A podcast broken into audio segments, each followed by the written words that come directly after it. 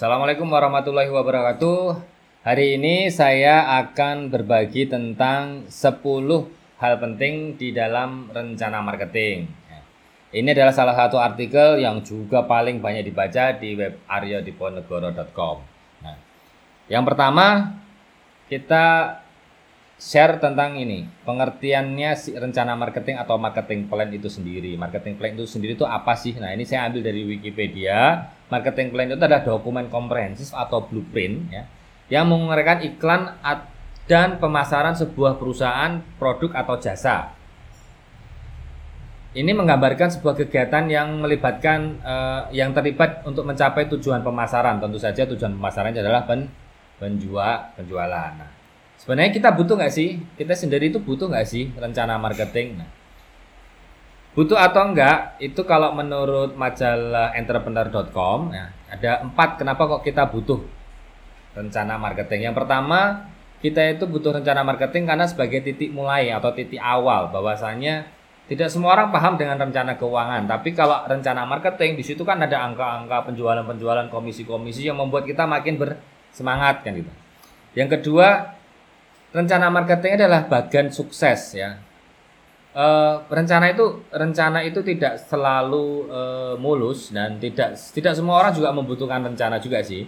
Dan rencana artinya rencana itu kadang memang tidak sempurna, tapi kita butuh untuk apa? Untuk sebagai bagian untuk menuju sebuah kesuksesan. Makanya Anda juga butuh sebuah rencana marketing.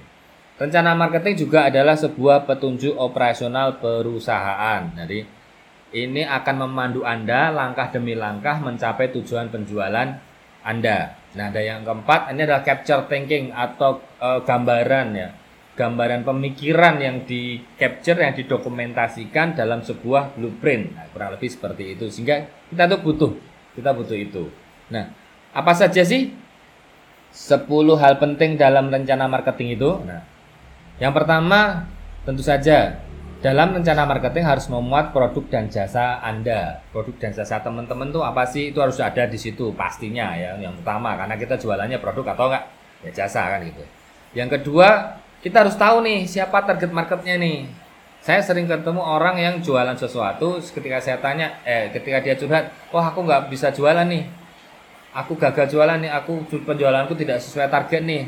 Kemudian saya tanya, memang siapa sih target marketmu? Eh ternyata dia kesulitan menjawab itu. Nah, berarti dia nggak punya rencana pemasaran karena dia nggak tahu dia tahu produknya apa kan dan dia nggak tahu siapa yang bakal pembelinya kan itu. Target market itu terkait dengan ya usianya, eh, demografinya, ya eh, kira-kira gajinya, pekerjaannya, nongkrongnya dan macam-macam lah.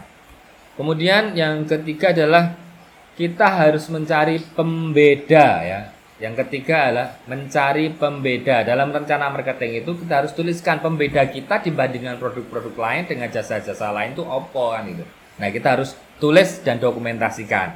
Yang keempat selain harga do, e, pembeda tentu kita juga butuh eh maaf. Selain produk tentu kita juga harus jelaskan juga tentang harga dan positioningnya. Nah, harga dan positioningnya ini ini kelas atas atau kelas bawah gitu harganya di mana nih? Murah atau yang mahal? Kita ngambil segmen yang mana nih? Menengah atau yang menengah? E, menengah atas menengah atau menengah bawah nih? Nah ini nanti juga akan terkait dengan gimana promosi kita.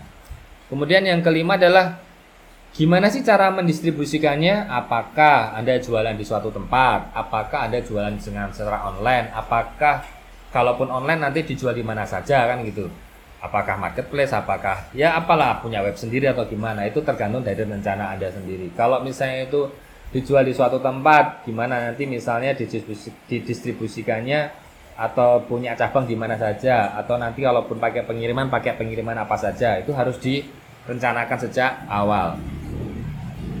Yang keenam adalah Kak Anda harus punya sesuatu yang ditawarkan di dalam situ.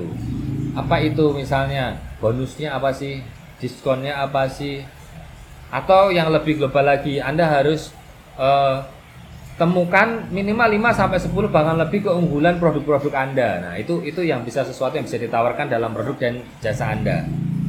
Yang ketujuh adalah tentang marketing material yang harus Anda buat atau yang akan Anda buat. Anda mau bikin apa nih? Brosur, terus spanduk, terus website, terus nah itu harus diperjelas. Nah, diperjelas oh saya mau bikin ini ini ini ini nah, gitu. Kemudian yang kedelapan adalah strategi promosi offline-nya seperti apa nih? Iklannya di media mana sih? Ya kan? Bannernya mau ditaruh di mana nih? Bannernya kalau yang ditaruh di sini nanti bahasa promosinya bagaimana nih? Nah, ini kita harus eh, kita harus siapkan nih sejak awal dan tertulis di dalam rencana marketing. Kemudian selain offline tentu saja ada offline-nya. Eh sorry, secara offline tentu saja ada online-nya kan gitu ya. Nah, online-nya juga terkait oh kita mau pasang Facebook Ad atau enggak nih, mau pasang Google Ad atau enggak nih, mau pakai endorser atau enggak nih. Ini sejak awal kita harus rencanakan tuh.